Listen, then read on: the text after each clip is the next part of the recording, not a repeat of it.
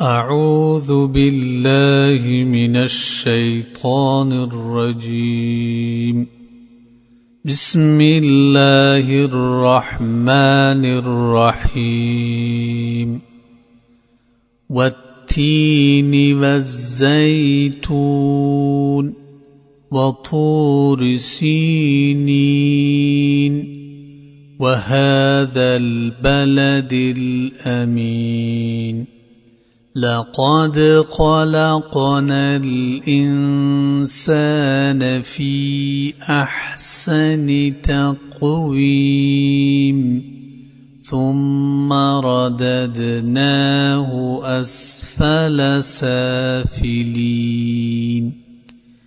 إلا الذين آمنوا وعملوا الصالحات فلهم أجر غير ممنون فما يكذبك بعد بالدين أليس الله بأحكم الحاكمين؟ صدق الله العظيم. بسم الله الرحمن الرحیم ترجمة آیات و تینی و زیتون به نام خداوند رحمان و رحیم و تین قسم. بأنجير والزيتون وە زەتون قەسان بە زەتون قەسان بە ئەنجیر و زەتون وە تۆری سینین وە قەسام بە تۆری سینا کوهی سینا وهذا البلد الأمين. وقسم بإن شهر أم يعني مكة. لقد خلقنا الانسان فی احسن تقویم هر آینه آدمی را در نیکوترین صورت آفریدیم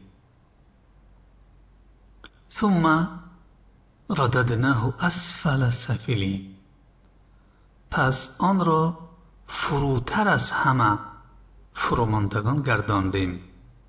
یعنی وقتی کافر شد فطرت سلیمه را ضایع ساخت. الا الذين آمنوا وعملوا الصالحات فلهم اجر غیر ممنون. مگر آنان که ایمان آوردند و کارهای شایسته کردند پس اجری بینهایت ایشان راست. فما یکذبک بعد بالدین پس چه چیز تو را حمل می کند بعد این همه پند بر دروغ شمردن در باب جزای اعمال؟ و شاید که معنای آیت چنین باشد پس چه چیز باعث تکذیب تو می شود یا محمد در مقدمه جزای اعمال بعد این همه پند؟ الیس الله احکم الحاکمین آیا خداوند حکم کننده ترین حاکمان نیست؟ بله خداوند حکم کننده ترین حاکمان است. سوره تین اولا کلماتی که در اینجا آمده است آنها را شرح می دهیم و تین و زیتون اینها دو میوه هستند که معروفند. تین همون انجیر است و زیتون همانی هست که ما هم آن را زیتون می‌گوییم و از آن روغن کشیده می شود تور سینین کوه تور است. همون کوهی که موسی علیه السلام در آن الله سبحانه و تعالی را مناجات نمود. وهذا البلد الأمين وهذا البلد الأمين این مکه مکرمه است. آن بلدی امین یعنی شهری امین زیرا که شهری حرام است در آن قتال کردن ممکن نیست کسی که در آن داخل شود امین است. یعنی در امان میمون. قتال در آنجا کشتار در آنجا حرام است. و هذا البلد الامین یعنی و این شهری ایمی لقد خلقنا الانسان همانا آفریدیم انسان را. انسان در اینجا جنس انسان در نظر گرفته شده است که انسان را آفریدیم. یعنی آدم علیه السلام و ذریه او را. یعنی جنس انسان. لقد خلقنا الانسان فی احسن تقویم. در بهترین صورت. در بهترین صورت. چی از روی معتدل بودن در آفرینش و چی از روی زیبا بودن از روی ترکیبات و مرکباتی که انسان به وجود آمده است. فی احسن تقویم یعنی در زیباترین صورت. چه در خلق و در ترکیب اینا. اسفل سافلین یعنی با پیری. حتی تا درجه که انسان که پیر سال شد هر خیل سخنهای بیهوده و ناسنجیده از او سر می‌زد به حالتی می‌رسد که دگر آن چیزهایی را که می‌دانست آنها را فراموش می‌دانست علم داشت ولی چون سال رفته شد سال خورده شد پیرسال شد آن دانستن آن علم ها و معرفت هایی را که حاصل کرده بود بعضی از اونها را فراموش می‌کند. اجر غیر ممنون. اجر پاداش است. غیر ممنون یعنی غیر منقطع قطع ناشونده. پس همون شیخ پیرسال مسلمان برایش آن عملهایی را که در هنگام قدرتمندی و جوانیش عمل می کرد اجر و پاداش همون عملها را در پیرانسالیش نوشته می شود یعنی اجری او منقطع نمی شود مگر؟ به مرگ. خب گفته خداوند که و تین و زیتون و طور سینین و هذا البلد الامین اینها قسم بزرگ هستند از قسم های الله سبحانه و تعالی. در جایی که به چهار چیز قسم می‌خورد الله سبحانه و تعالی قسم می‌خورد به انجیر تین و همون انجیر معروف است. و این میوه بسیار به میوه های جنت شباهت و مانندی نزدیک. از جهتی خالی بودنش از دانه. خیلی که دیگر میوه های دیگر دانه دارن.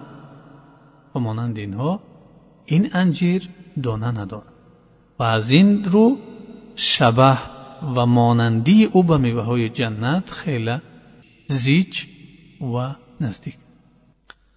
زیتون این منفعت هایش خیلی زیاد است که از یک جادو خورده می شود از جهت دیگر اون روغنش استفاده کرده می شود و روغن کرده می شود با اون همچون دوای استفاده برده می شود و برای حزم کردن و از امثال اینها بسیار و بسیار منافع منفعت های دیگری را هم این زیتون در بر می گیرد و طور سینین یعنی کوهی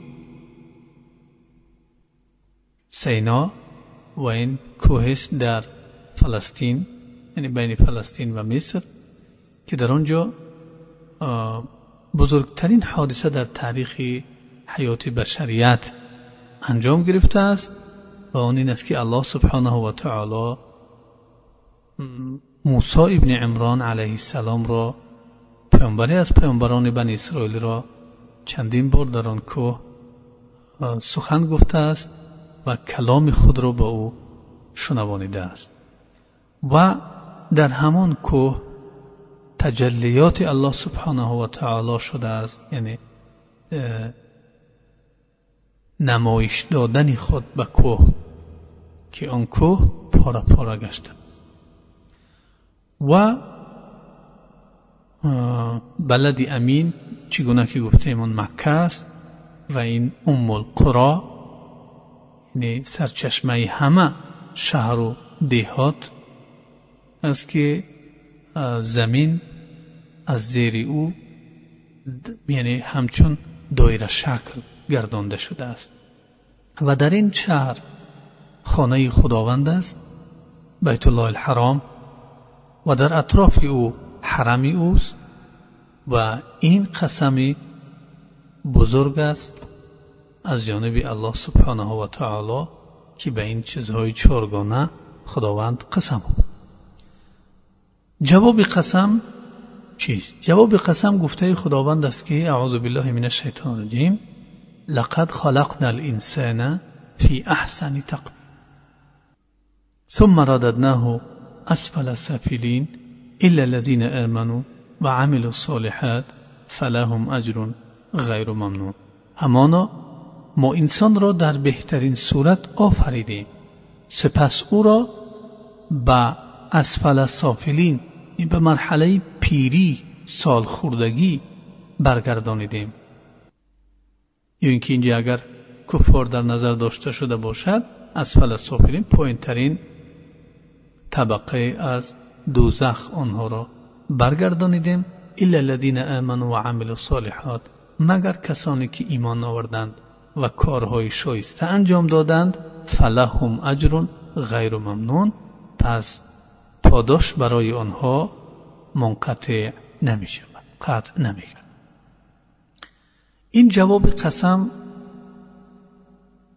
چون قسم ها خودشان قسم های بزرگ از جانب خداوند بودند و خداوند به چیزهای بزرگ قسم می‌خورد جواب آن هم بزرگترین پدیده های قدرت علم و رحمت خداوند را نشان میده یعنی جواب قسم لقد خلقنا الانسان في احسن تقویم ثم رددناه اسفل سافلین الا الذين امنوا وعملوا الصالحات فلهم اجر غیر ممنون.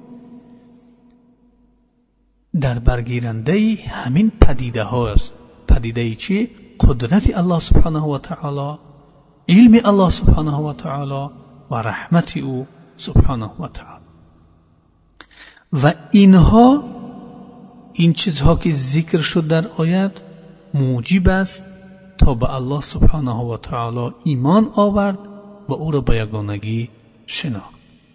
و این چنین ایمان آورد به لقای الله سبحانه و تعالی.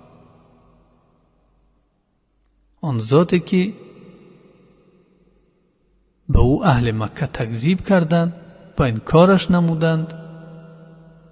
و بیان این چنین است که انسان یک کائن حی است یک کائن زنده است مخلوق است و خالق او صاحب قدرت است. یعنی چون انسان یک کائنی زنده هست ببینیم ما هر یک چیز رو نظر می‌کنیم که اگر او را کسی ساخته باشد صانع او انسان اگر باشد یا پرنده ها را نگاه می‌کنیم که لانه می‌سازند خب حیوان ها را نگاه می‌کنیم که خیلی برای خود جای های خوب و دیگر دیگر چیزها را می‌سازند. چه جای تعجب است و وقتی که انسان در حیات خود خانه می‌سازد یگان چیزی از پیش خود می سازد ببینید که امروز کامپیوتر و خب ویدیو و کامرا و دیگر و دیگر چیزها رو انسان ها ساختند و این دلالت می کند به علم و معرفت و توانمندی همون سازندگان به آن چیزهایی که ساختند. پس وقتی که انسان خودش مخلوق است آفریده شده است آفریدگار او معلوم می شود که صاحب قدرت است. یعنی ببینید که تا امروز چقدر پیشروی تکنیکی هست پیشروی علمی هست ولی با وجود این نتوانستند تا امروز موادهایی را که انسان از آن ترکیب شده است آن موادها را جمع بکنند و یک انسان را بیافرند. آن چیزهایی که رخ می‌دهد همه آنها از آفریده شده الله سبحانه و تعالی استفاده می‌برند ولی آنها اگر خاک و چیزهای کیمیایی و آب و خاک و دیگر دیگر چیزها را بگیرند تا اینکه یک انسان را بسازند برای این قادر نیستند. پس عاجزند. چون آنها عاجزند و کسی یا ذات این انسان را آفریده است معلوم می شود که قدرت و توانمندی این ذات آفریدگار انسان قطعا بزرگ است قدرتمند است. و انسان را ببینید که قامت او را معتدل ساخته است. اعضای او را جابجا گذاشته است و او را زیبا کرده است و یک منظری زیبای برای او داده است. و این همه معتدل بودن آفرینش او راست بودن قامتش برابر بودن اعضایش زیبا بودن اندام و چهره او و زیباگی منظرش دلالت به علم و قدرت الله سبحانه و تعالی می‌کند که این هم موجب ایمان به الله سبحانه و تعالی و موجب ایمان به لقا روپرو شدن به الله سبحانه و تعالی است. انسان گاه گمان می‌کند که فقط بعضی انسان ها زیبا هستند ولی در اصل همه انسان ها زیبا هستند. و بهترین مخلوقات الله سبحانه و تعالی هستند و دروترین انسان از زیباترین میمون از زیباترین سگ از زیباترین شیر از زیباترین گوسپند و گاو زیباتر زیباترین. میمون اگر در برابر بدترین انسان باشد انسان هرگیز نمی‌خواهد که آن گونه میمون زیبا باشد نمی‌خواهد که آن گونه گاو یا حتی تاووس که چقدر جمال و زیب... به زیباگی معروف هست انسان نمی‌خواهد که مثل تاووس باشد. زیرا آفرینش اون را ببینید چگونه است. پایهای او دستان او در کجاستند و دیگر دیگر اعضای بدن او را ببینید که انسان با وجودی که آن را زیبا می‌گوید ولی نمی‌خواهد که خود مانند همان تابوز یا مانند یک سگی زیبا مانند یک میمون زیبا مانند یک خری زیبا باشد. می‌خواهد که به همون صورت انسانیش باقی ماند. پس در آفرینش انسان قدرت و علم الله سبحانه و تعالی تجلی می یابد نمایان می شود که این موجب است که ما با علم و قدرتی الله سبحانه و تعالی ایمان بیاریم و اینچنین به لقای او. زیرا آن قادره که انسان را امروز آفرید و انسان را پیش از این روز هم آفریده بود قادر است که فردا اون را هم همچنانه که می‌خواهد. چی به چی صورتی که می‌خواهد و کدام وقتی که می‌خواهد بار دیگر او را آب بیافرد. یعنی آن ذات که دیروز انسان را آفرید و امروز او را آفریده ایستاده است آن ذات قادر است که فردا هم کدام وقتی بخواهد به چگونه صورتی که بخواهد او را میآفرد. و گفته خداوند که ما او را به اسفل سافلین برگردانیدیم این به همان پیری است سینی پایین مثل کودک تا جایی که دیگر عقلش را انسان گم می‌کند قوهش را انسان گم می‌کند اون عقل و خرد و اون قوهی که داشت در جوانی اونها از بین می‌روند. قوه عقلانی و قوه بدنی را از دست می‌دهد. اینجا گفته خداوند میاد که الا الذين آمنوا وعملوا الصالحات فلهم اجر غیر ممنون. مگر کسانی که ایمان آوردند و عملی شایسته کردند کارهای نیک انجام دادند پس برای آنها اجری غیر منقطع است. پاداش اونها قطع نمی گردد پاداش اونها بر دوام است. آنها کسانی هستند که فرضهایی را که خداوند برای آنها مقرر کرده بود آنها را انجام می‌دادند برپا می‌کردند نافله ها انجام می‌دادند. و دیگر طاعت ها و دیگر قربات را که برای تقرب و نزدیکی الله سبحانه و تعالی از عبادت و از کارهای نیک و خیر بود آنها را انجام می‌دادند.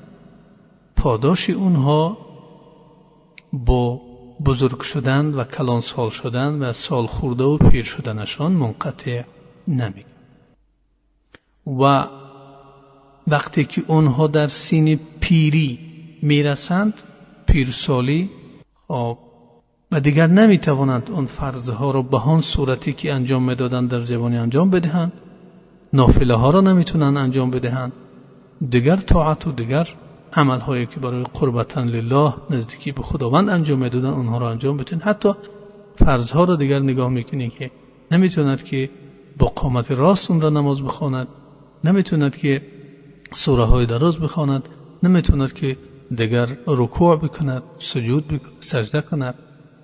رکوع و سجده او را می‌بینی با اشارت هستند.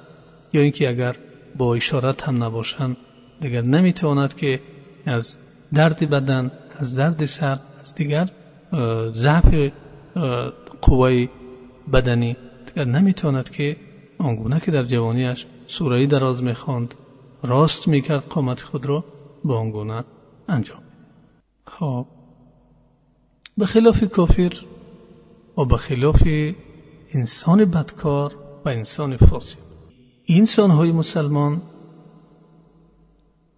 آنها گرچنده که نمی‌توانند دیگر فرضها را انجام بدهند نفلها را انجام بدهند دیگر طاعت و دیگر عملهایی که برای نزدیکی الله سبحانه و تعالی انجام بدهند لیکن الله سبحانه و تعالی برای آنها اون پاداش را که در جوانیشان در بهترین صورت حیاتشان آن کارها را انجام می‌دهند اون پاداش رو در پیریشان با وجود کم و کاستی با وجود آنکه آنها دیگر عقل قوه عقلانیت قوه بدنیشان کم شده است برای آنها با بهترین صورت اجر بله کافر باشد یا انسان فاجر و بدکار یا فاسق باشد برای آنها عملهایشان چنین نیست. عملهای آنها منقطع میگردد.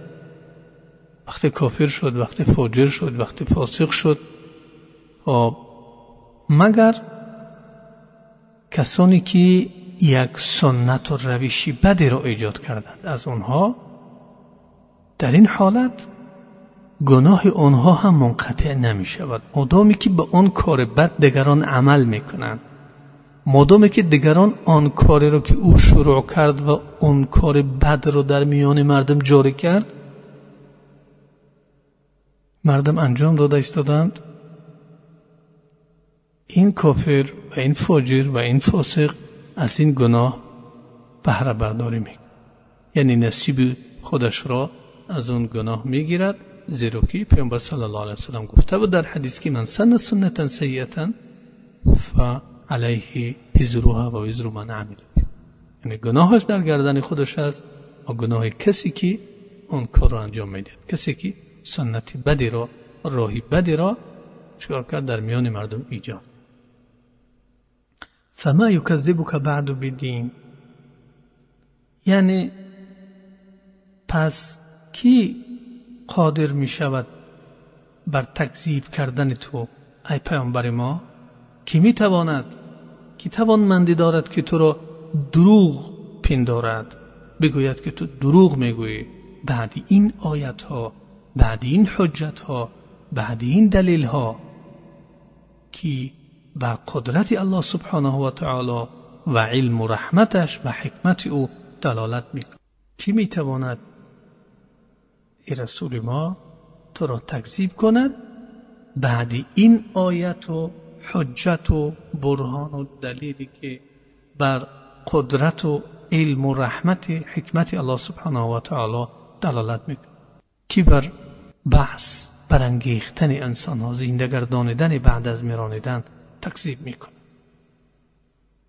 کی تکذیب می‌کند؟ جزا دادن بر عملهایی که انسان از روی اراده و اختیارش در این دنیا انجام داده است چی نیک باشد یا چی بد. اگر به این جزا تکذیب می‌کرده باشد در حالی که اون جزای اخروی است این تکذیب او اینی که دروغ میپندارد میگد که این چیز نمی‌شود. اینا همش سبسته هستند. این بر اساس سرکشی. در اساس کبر و غرور است. کبر و غرور و سرکشی از خودی همون انسان نه از روی اونه که اون با دلیل و حجت به همین رسیده باشد که در روز قیامت خواب یا جزا و پاداشه که در روز قیامت می شود آن را تکذیب کننده گردنده باشد. این همه از روی کبر و غرور است از روی انکار کردن است نه از روی حجت و دلیل نه از روی برهان. و گفته خداوند که علیه الله بی احکم الحاکمین آیا خداوند حکم کننده ترین حاکمان نیست؟ بله. حکم کننده ترین حاکمان این الله سبحانه و تعالی است. عادلتر از خداوند و نیکتر از خداوند در حکمش کسی دیگری. خب چگونه گمان کرده می شود که مردم عمل می کنند عملهای مختلف. یکی کار نیک دیگری کار بد. در این دنیا سپس از دنیا می گذارند همه برابر می گذارند از ولی عملهای آنها مختلف بود که اگر به آنها نه ثواب داده شود و نه جزا داده شود یعنی بر آنها پاداش برای کارهای نیکشان و جزا برای کار بدشان اگر نباشد این ظلم است و باطل است و منکر است. و الله سبحانه و تعالی از ظلم و باطل و منکر پاک است. پس مسئله زنده گردانیدن بعد از میرانیدن بار دیگر زنده کردن انسان جای بحث و جدل نیست. جای بحث و جدل نیست. زیرا انسان در این دنیا خلق شد.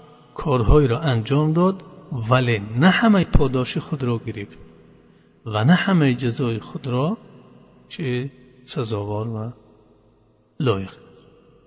یعنی نه برای کار خیرش همه چیزها را گرفت و نه برای کار بدش همه جزاها را گرفت.